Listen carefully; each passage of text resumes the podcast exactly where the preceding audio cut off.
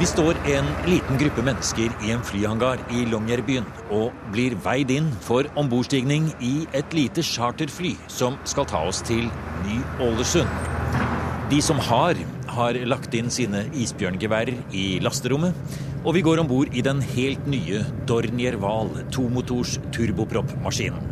For øvrig bygget av akkurat den samme flyfabrikken i Tyskland som laget Roald Amundsens berømte flybåter for 90 år siden.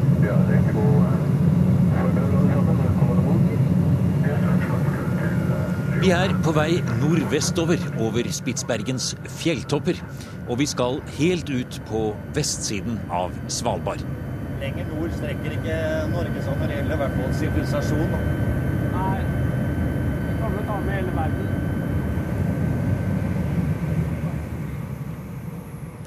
Etter en halvtimes flytid fra Longyearbyen har vi landet på verdens nordligste flyplass. Helt innerst i en lang fjord, Kongsfjorden, som ganske typisk for den internasjonale historien på disse øyene, har hatt mange forskjellige navn på engelsk, tysk, nederlandsk og svensk opp gjennom årene. Kings Bay, sa engelskmennene på 1800-tallet. Og det var Fridtjof Nansen som i 1920 foreslo Kongsfjorden som det norske navn den har i dag. Er bussjåfør og direktør. Sånn er å være i, i Kings Bay. Og vi skal eh, dra raskere fra flystripa, slik at de får klare flyet. Så skal jeg gi litt mer info når vi kommer ned. Navnet Kings Bay lever videre i selskapet som akkurat denne dagen tar imot flere flylaster med prominente gjester og sponsorer. Alle invitert til å være med på den høytidelige åpningen av Amundsen-villaen. Brandal City ble dette stedet en gang kalt, etter de første norske industripionerene som stiftet Kings Bay Cool Company i 1916. Deres bakgrunn var selfangst og fiske i de tradisjonsrike ishavsrederiene på Sunnmøre. Men som så mange andre i Svalbards industrihistorie måtte de gi seg etter noen år med tunge økonomiske tap. Til slutt ble det staten som overtok. Og det er fortsatt Næringsdepartementet som er generalforsamling for det moderne Kings Bay, som ikke lenger bryter kull, men legger til rette for en internasjonal forskerlandsby, hvor en hel rekke nasjoner driver moderne arktisk forskning året rundt. Det er antenner av alle slag. Nybygg, elektriske biler, moderne kantine, kulturhus, sandveier og supermoderne bredbånd. Men ikke mobildekning. Søppel er forbudt, og turister får ikke gå utenfor husene i den lille landsbyen. Når vi går her mellom eh, husene her i Ny-Ålesund, som vi gjør nå med snøfonnene på begge sider her, så ser jeg, når vi bare går her, så står det Nordpolhotellet står det på taket i en toetasjes eh, trebygning her. Eh, og man kan jo nesten lure på hvor man faktisk har kommet her, altså. Til Nordpolen. Ja. Ja. Det er faktisk et hotell, det, altså. Ja. Men eh, det er eh, her, Altså, imellom her er det masse, masse nybygninger òg. Mm. Men det er veldig mange gamle bygninger her. Automatisk fredete bygninger. Og Nordpolhotellet er en av dem. Og jeg er litt overrasket over Jeg har aldri vært her før, kommer her nå og ser at det er så mange bygninger her. Men altså, det har skjedd veldig mye de siste årene, fordi at det er en aktiv forskningsstasjon her. Og de har veldig mye aktivitet om sommeren, eller altså i sommersesongen, sommerhalvåret. Og da har de beboelsesproblem, altså et sted hvor alle forskerne må bo. Nå er det aller meste tomt her, men om sommeren så strømmer de til. Og da er det fullt her, altså. Opptil 200 forskere bor her da. Anne Katrine Flyen har lang fartstid på Svalbard. Hun har tidligere vært kulturminnerådgiver hos Sysselmannen, og nå arbeider hun ved Norsk institutt for kulturminneforskning. Som arkitekt og etnolog har hun engasjert seg sterkt i å bevare den spesielle direktørvillaen fra den første Kings Bay-tiden. Huset som etter hvert fikk navnet Amundsen-villaen. Vi er på vei i den retningen, men først ber vi Anne Katrine Flyen om å guide oss litt rundt her på 79 grader nord. 120 mil fra selve Nordpolpunktet, og et perfekt sted å starte en ekspedisjon. Ja, Stikkord er infrastruktur, ikke sant? også på den tiden. Fordi at her var det eh, et sted å bo, her var det forsyninger, og her var det en, hadde, delvis hadde vært og delvis var gruvedrift. Så her var det liksom et sted å starte hvor man kunne bli ivaretatt av sivilisasjonen. Og så var man likevel så nær Nordpolpunktet. Men Anne Katrine, ta oss gjennom litt av husene vi går forbi her. De er små, lave trehus, ser vi. Eh, Sånn typiske Svalbardfarver er det også på dem? Ja, eh, de var faktisk ikke opprinnelige. For de første bygningene som var her, de, mange av dem var røde, eh, gule og hvite.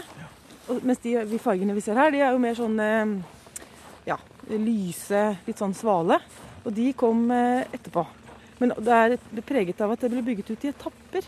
Altså at landsbyen eller livet her eksisterte, ble lagt ned, eksisterte igjen. Og så måtte man bygge ut underveis. Og det reflekteres vel kanskje også i noen av For alle husene her har jo navn. Nå står vi ved siden av Mexico.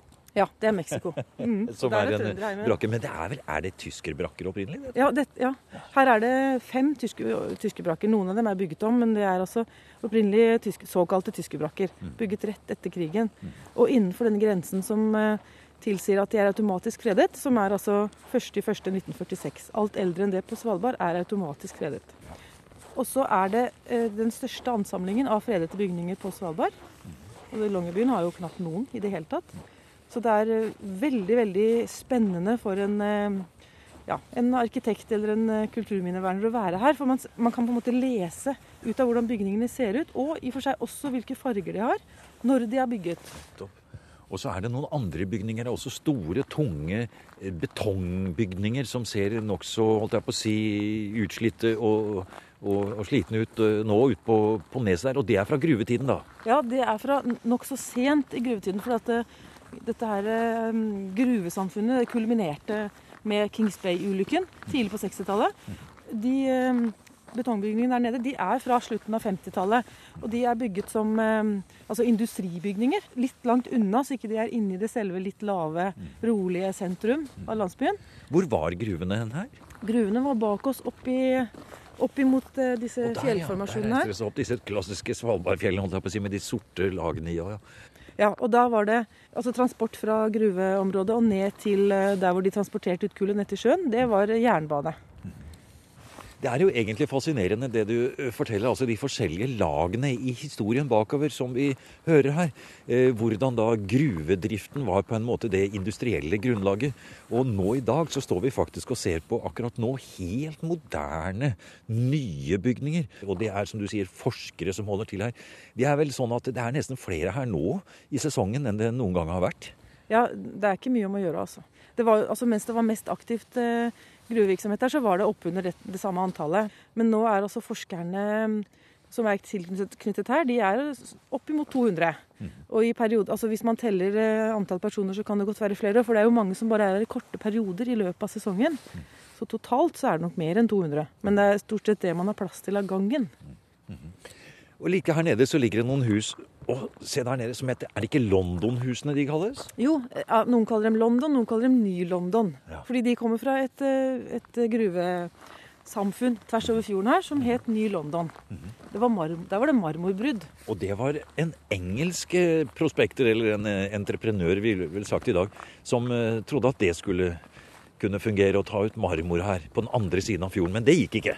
Nei, først så, først så tok de bare ut noen bitte små prøver og fikk dem analysert og fikk beskjed om at dette var flott, sett i gang. Og så satte de i gang. Bygde ut jernbane og masse bygninger og svære industrihaller. Og så skulle de begynne å ta ut marmoren. Og så tok de da ut noen litt større stykker. Og så heter det seg da som sagt at da den da kom ut av um, permafrostbeltet, så gikk det i oppløsning. Så ble det ikke noe av. Og da ble eh, samfunnet mer eller mindre forlatt. Og husene sto igjen? Mm, husene sto, Og utstyret. Ja. Altså Det er nesten sånn kaffekoppen står på bordet, og så dro de. Det, og det er en ting som preger kulturminnene her på Svalbard. Det var dyrt å frakte ting opp. Uh, men man satte i gang ganske mye virksomhet. Det var sånn der, nesten litt sånn Klondyke-stemning. Satte i gang og bygget og greier. Og så gikk det ikke, og så forlot man det. Men det var dyrt å ta det med seg igjen. Altså utstyr og bygninger og hva det måtte være. Så det ble stående igjen, og derfor er det veldig mye kulturminner her. Ja, nettopp. Og da er det jo sånn nå at nå er det ingen som maser om at det skal bli ryddet opp. Tvert imot, det er forbudt å røre den minste lille skrua, av det, nær sagt. Fordi at alt, Å, se her, nå hører vi en lyd, ja. Og det er selvfølgelig flyplassen da, som ligger like ved her. Og det er jo selve livsnerven her, da. Ja, den er råviktig. Ja. Det der er eh, brannbilen som kjører ut til flyplassen. Det det? Det kommer snart et nytt fly. Ah, nettopp. Og da må den stå på plass. Akkurat. Mm. Det er rutinene her. Ja. ja. Her står det da Coldaway Station, står det. Alfred Wegner Institut für Polar und Meersforschung, ja. Altså havforskning. Tyskerne er veldig aktive her. De har en av de få stasjonene som er bemannet hele året. Tyskerne og nordmennene, og til en viss grad eh, kineserne med løvene sine der borte. Kineser? Kineserne. Mm. De er også, har eh, etter hvert bygget opp en veldig aktivitet her, og er i perioder mange her. Men, men de har én eller to som er altså i perioder er her også på vinterhalvåret. For her er det ganske stille på vinterhalvåret. Det er stort sett tyskerne og nordmennene som har hatt aktivitet året rundt. Og da er tyskerne her i denne Coldway Station, og så Polarinstituttet der, i den veldig moderne bygningen der borte. Ja, nettopp.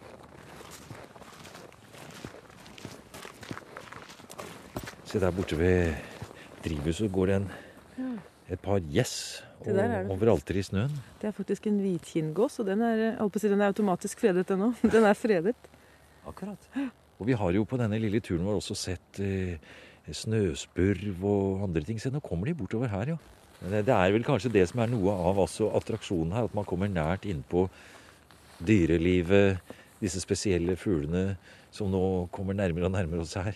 Eh, For man har jo denne følelsen at man er et sted hvor menneskene egentlig nesten ikke skulle vært. Ja, det, det har man. Og når man kommer hit og har reist kanskje med båt da, i ganske mange, ja, i mange timer fra et døgn fra Longyearbyen, og så plutselig så kommer man hit, og så er det en hel landsby midt ute i ødemarka. Det er også en veldig sånn spesiell opplevelse. Og så er ødemarka rett bak huset, ikke sant? Rett bak huset, eller innimellom for den saks skyld, med gjessene her.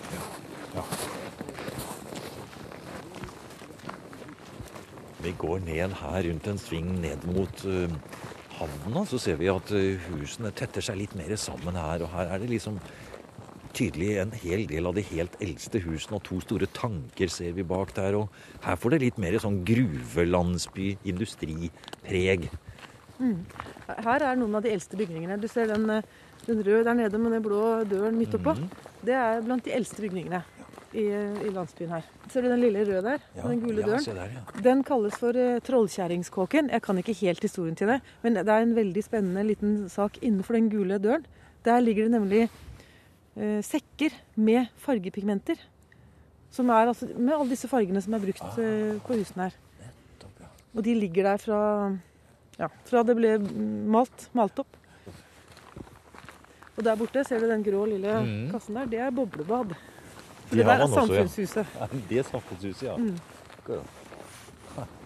Og så er det postkontor med stempel for alle turistene som kommer hit med cruiseskip. Det er taxfree-butikk og et lite museum. Men når det gjelder den arktiske heltehistorien, er det sprinkelverket i luftskipsmassen av jern som trekker til seg oppmerksomheten. Like utenfor bebyggelsen peker masten fortsatt opp mot himmelen, slik den ble bygget av Roald Amundsens Norge-ekspedisjon. Men, sier ekspert på polarhistorie Susan Barr fra Riksantikvaren, når det gjelder den masten, Kan jeg bare få lov til å si at luftskipet Norge aldri var fortøyd i den masten? Det var bygd en svær hangar her, som var en helt sånn ingeniørkunst som ble gjort midt på vinteren her, i fryktelig vær, masse snø osv. Og, så og luftskipet ble tatt inn i den hangaren. Men luftskipet til eh, Nobile to år senere kom til masten. Det er en sånn iskrembil som går forbi. Ja. Nei, men dette er eh, som sagt en, en, den største samlingen av faste fredete bygninger som vi har på Svalbard. Så hele miljøet er veldig spesielt. Det skal kanskje litt å sette seg inn i hva det representerer. Når du kommer hit i dag, så, så ser du noe som er ganske annerledes enn det var i kullgruvetiden. Fordi at vi har jo mistet veldig mye av det som gjorde en kullgruveby pulserende. Vi har jo ikke lydene, vi har ikke lokomotivene som gikk med kull, og dampen og røyk, og det var til og med kuer her, og barn, familie. Sånn at det er veldig stille, og mange av de opprinnelige husene fra den tiden er borte. Og det er kommet nye som passer inn, stort sett, de fleste da. Men det, det er blitt en annen by, og det er veldig interessant å, å titte på bilder som er tatt fra samme sted over mange år. For vi står her i dag og tenker at vi har fredet noe som alltid har vært sånn, men det har det slett ikke. Men allikevel, vi, vi har jo gruverestene i bakgrunnen, og vi har historien i mange av de veggene som er her nå. Vi var litt inne på dette med den heroiske polarhistorien, og da kommer vi jo ikke utenom Amundsen-villaen som ligger her borte, som jo egentlig er direktørvillaen for Kings Bay gruvekompani. Eh, og det er jo selvfølgelig fordi vi er eh, så nærme Nordpolen vi kan komme uten å bli våte på bena. Ja, det er klart. Eh, Ny-Ålesund var jo utgangspunktet for flere sånne ekspedisjoner. Vi hadde jo også Richard Bird, som skal kanskje ha fløyet til Nordpolen, men antagelig ikke, rett før luftskipet Norge. Og vi har eh, to av Amundsens ekspedisjoner, vi har Nobelé. Så det er uh, veldig mye polarhistorie her, i tillegg da til den uh, industrihistorien som gruvene representerer.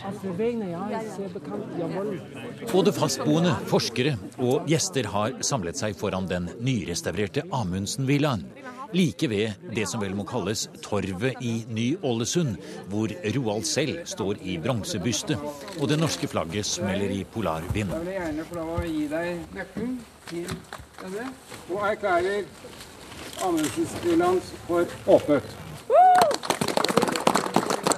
En gang lå gruvedirektørenes toetasjes sommervilla helt fritt og tronet i sin enkle jugendstil med mansardetak og vid utsikt. Nå er det nye og gamle hus på flere kanter og en kjempestor mast med antenner og tilhørende servicebygning helt inntil. Villaen har gjennomgått alle fasene i Ny-Ålesunds liv, som sykehus, legekontor, tannlegeklinikk og hybelhus. I et samarbeid med Riksantikvaren, Sysselmannen og NIKU er Amundsen-villaen nå ført tilbake til 1920-tallets utseende. I den tiden Roald Amundsen to ganger brukte villaen som bosted og hovedkvarter. Det vi da ville med dette, var jo da å restaurere et nasjonalt kulturminne. Samtidig ville vi ønske å skape et unikt møtepunkt i Arktis. På en måte kunne vi si at både fortid og fremtid eh, ble samlet på denne måten. Ytterkledning, farger og den originale rominndelingen er på plass. Og underveis i dette arbeidet kom det fram en hel del enkle veggmalerier med motiver både fra ekspedisjonene med luftskipene Norge og Italia og Amundsens flybåter. Pluss tradisjonelle jaktscener og et maleri av gjøa. Det har vært stor usikkerhet om hvem som har malt bildene, og ikke minst når de er malt. Men det meste peker mot at dette er dekorasjoner fra tiden da Amundsen-villaens første etasje ble omgjort til Nordpol Bar i 1938 og 1939. Men som Unni Grønn fra Riksantikvaren sier, om de ikke ble malt under Amundsens ekspedisjoner, er de like fullt en viktig del av husets historie. Eh, vi hadde jo som mål da at man skulle nå tilbake igjen til den tiden Amundsen eh, bodde i huset. Eh, nå kommer jo disse tegningene til sinne. Og det er jo som du sa, vi er ikke helt sikre. Vi tror vel kanskje i dag at de er litt senere. Eh, men vi kunne jo ikke la de bli borte. De måtte jo være der. Og de forteller jo polarhistorien. De trekker jo, de er jo laget like etter at det virkelig skjedde. Eh, sånn at det er jo kjempespennende. Uansett om de skal være laget på 30-tallet, så, så, er det like spennende å ha dem der. Dette er den arktiske forskerhovedstaden. Og skal den være det, må den ha en residens. Jeg tror vi skal kanskje forstå det i mer mytisk betydning. Og da er jo dette Roald Amundsens residens. Isens Napoleon, som han gjerne ble kalt. Som altså er den eneste polarforsker som har underlagt seg Sydpolen, Nordpolen, Nordvestpassasjen, Nordøstpassasjen. Altså han har tatt det hele. Og her har han sin polarresidens. Statsstipendiat og forfatter Tor Boman Larsen fortalte om Roald Amundsens besøk her i Ny-Ålesund. Om hvordan den verdensberømte polfareren skrev sin private dagbok i leiligheten i annen etasje. Om dramatiske møter med flygerne, hvor han foreslo å fortsette flyturen tvers over Polen istedenfor å lande og vende tilbake til Kongsfjorden. Vi går et par hundre meter fra Roald Amundsens polarresidens sammen med Tor Boman Larsen og ser utover mot luftskipsmasten. Og så har du monumentet over Amundsens flyferd i 25. Det sto ferdig i 26 når han kom opp hit. Så det sier noe om det inntrykket eh, den flyferden hadde gjort, altså.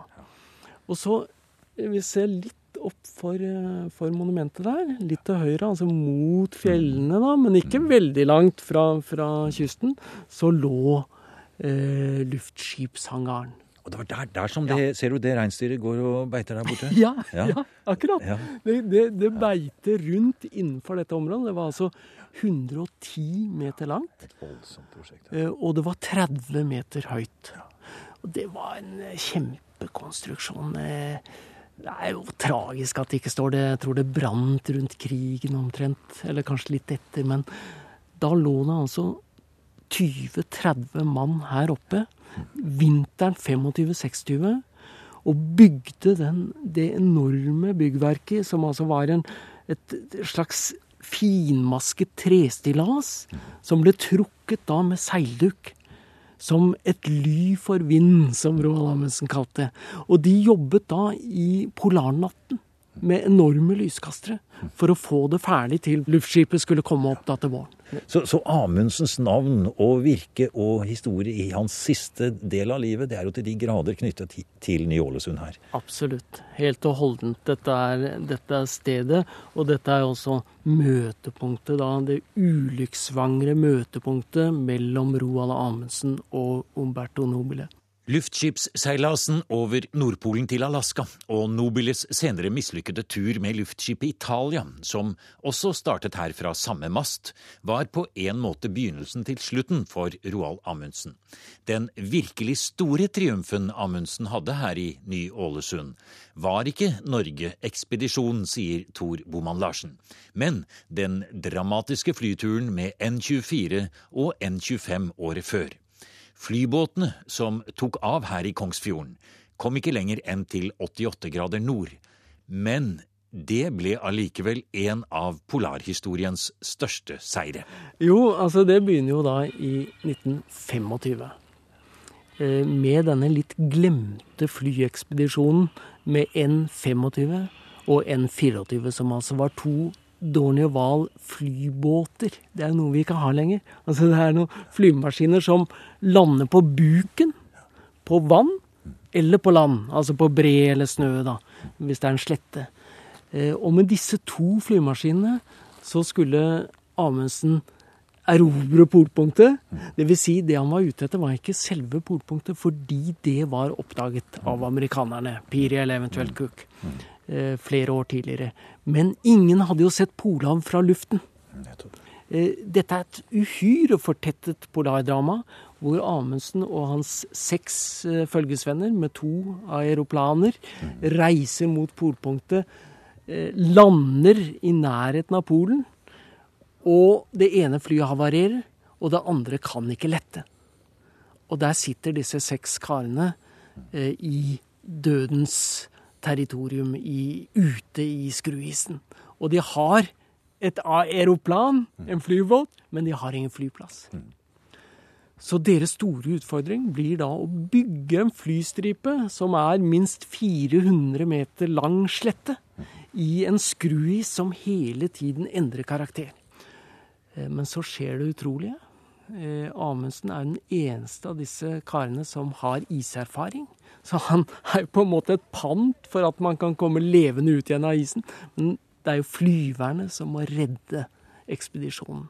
Og det er særlig da Hjalmar Riise-Larsen som er førsteflyver, og som i siste sekund av provianten, altså muligheten til å leve der ute, med den siste bensinen de har igjen, om å la alt unødig ligge igjen på isen, klarer å lette flyet. Du har beskrevet det på en spesiell måte? Ja, som i en fellesgrav. Ja, Nede i flyet? Ja. ja, ja. De ja. ser ingenting, de bare kjenner flyet rister. ikke sant? De, ligger i flykroppen, og, og kroppen går direkte på, på, på, snøen og isen. ikke sant? Eh, og så skriver Amundsen at nå kjenner jeg et trykk, og det er som om flyet letter. Ja. Og det letter! Ja, det Ikke sant? Det er jo et øyeblikk, og det er deres siste sjanse. For nå har de satset alt i dette ene forsøket, og det lykkes. Mm. Og så har de en åtte timers flytur innover. Og vet du det nærmest, altså, de lander jo da helt nord på Spitsbergen, altså, eller nord, Nordøstlandet. Eh, langt nord. og og glir inn de siste kilometerne på sjøen. Og så støter de altså på en fangstskute. Og blir tatt selvsagt om bord og omfavnet. Og så tar det da også adskillig tid før de altså om natten Det er jo midnattssol, ikke sant. Vi er jo da midt i juni. Og så kommer de tøffene inn her. Og, og letemannskapene står så å si klare på brygga. Det er kommet inn flere skip. Til og med flymaskiner skal gå ut og lete. Om ikke annet for skams skyld. Om ikke annet etter levningene, for håpet er jo borte etter tre uker eh, ute i isen. Og så ser de disse karene på De er magre, de er skjeggete, ikke sant, og grimete. Men de vinker. Og så, så begynner de å feste blikkene, og så ser de denne karakteristiske ørnenesa, ikke sant.